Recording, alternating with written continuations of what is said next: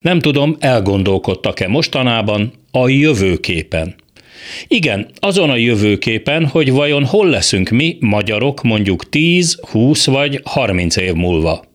Hogy mégis mi vár ránk, mi lesz ezzel a 97 ezer négyzetkilométerrel itt a Kárpátok karéjában, és mi lesz azokkal, akik még itt laknak.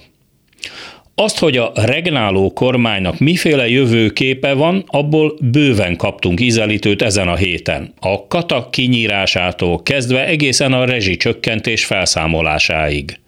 Kapkodás, csapkodás, kínos és kényszeredett hazudozás, zűrzavar. Mindegy, hogy hány magyar családot tesznek tönkre, csak a hatalmat azt sikerüljön megtartani.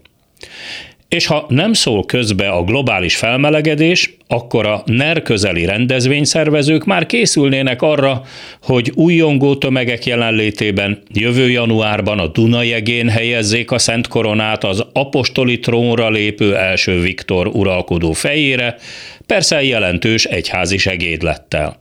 A NER forog, az alkotó pihen.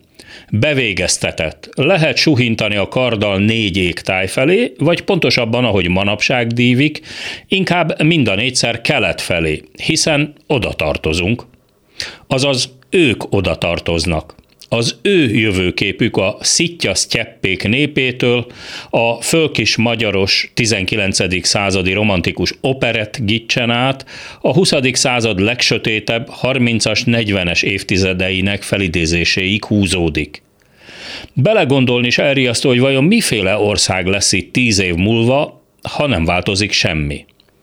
1989-90 táján könnyű volt – Pontosan tudtuk, hogy mit nem akarunk, és azt is, hogy hová tartunk és hová szeretnénk tartozni. A művelt nyugathoz. Mi is európaiak szerettünk volna lenni, nem csak fehérek.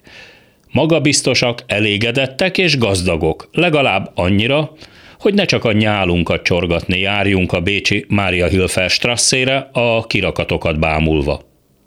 Azóta eltelt 30 év. Önök szerint sikerült? Az ikonikus gorennyét már rég kidobtuk, de egyáltalán nem biztos, hogy tudunk venni másikat, mert mostantól nem futja rá. Főleg, ha euróban kell kifizetni az árát. Ha nem vették volna észre, most éppen hármas vagy talán négyszeres veszélyhelyzetben élünk. Ugye emlékeznek, van itt ugyebár egyszerre háborús és migrációs veszélyhelyzet, elég határozottan jön vissza a járványügyi, és tegnap óta az energiaügyi veszélyhelyzet. A két utóbbi legalább valós veszély, és nem pusztán a polgárok ijesztgetésére szolgál. A rémület ugyanis annyit hoz a politikai konyhára, hogy eltereli a figyelmet a lényegről. A kapun ugyanis az elmúlt 30 év legsúlyosabb gazdasági válsághelyzete kopogtat, és élesen rávilágít az ország vezetésének a válságára is.